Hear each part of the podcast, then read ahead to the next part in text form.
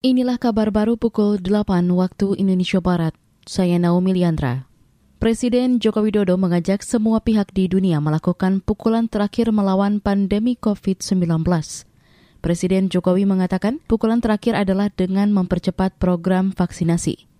Pernyataan itu disampaikan Presiden Jokowi dalam pidato secara virtual di konferensi tingkat tinggi global COVID-19 kedua di Washington DC, Amerika Serikat kemarin. Momentum turunnya jumlah kasus saat ini harus dimanfaatkan untuk meluncurkan pukulan terakhir terhadap COVID-19. Vaksin harus secepatnya menjadi vaksinasi.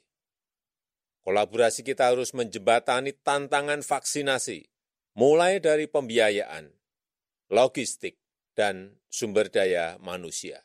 Presiden Joko Widodo juga menyatakan Indonesia siap menjadi hub dan distribusi vaksin COVID-19 di kawasan Asia Tenggara.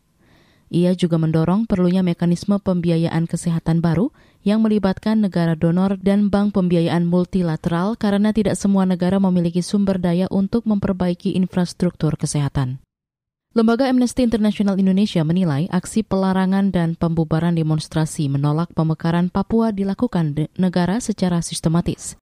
Direktur Amnesty International Indonesia Usman Hamid mengatakan ada arahan dari negara melalui rapat koordinasi pemerintah untuk membatalkan aksi-aksi penolakan pemekaran Papua. Cara-cara pengerahan pasukan yang uh, berlebihan di pagi-pagi hari di mana tidak ada ancaman keamanan, tidak ada ancaman gangguan keamanan ketertiban publiknya. Direktur Amnesty International Indonesia Usman Hamid mengatakan pemerintah atau aparat juga melakukan intimidasi terhadap kelompok-kelompok sipil hingga tokoh-tokoh gereja. Menurutnya, tindakan pembubaran aksi pekan ini merupakan bentuk pelanggaran terhadap kebebasan berekspresi dan berpendapat di Papua, terutama yang berbeda dari pemerintah. Kelompok negara-negara maju yang tergabung dalam G7 mendesak Taliban sebagai penguasa Afghanistan tidak menghalangi hak-hak perempuan. Desakan disampaikan para menteri luar negeri negara-negara G7 dalam pertempuran di Paris kemarin. Mereka mengkritik langkah Taliban yang makin meningkatkan pembatasan hak-hak perempuan. Dalam pernyataannya, negara G7 menyebut kebijakan Taliban itu membuat Afghanistan makin mengisolasi diri mereka dari komunitas internasional. Demikian kabar baru KBR, saya Naomi Liandra.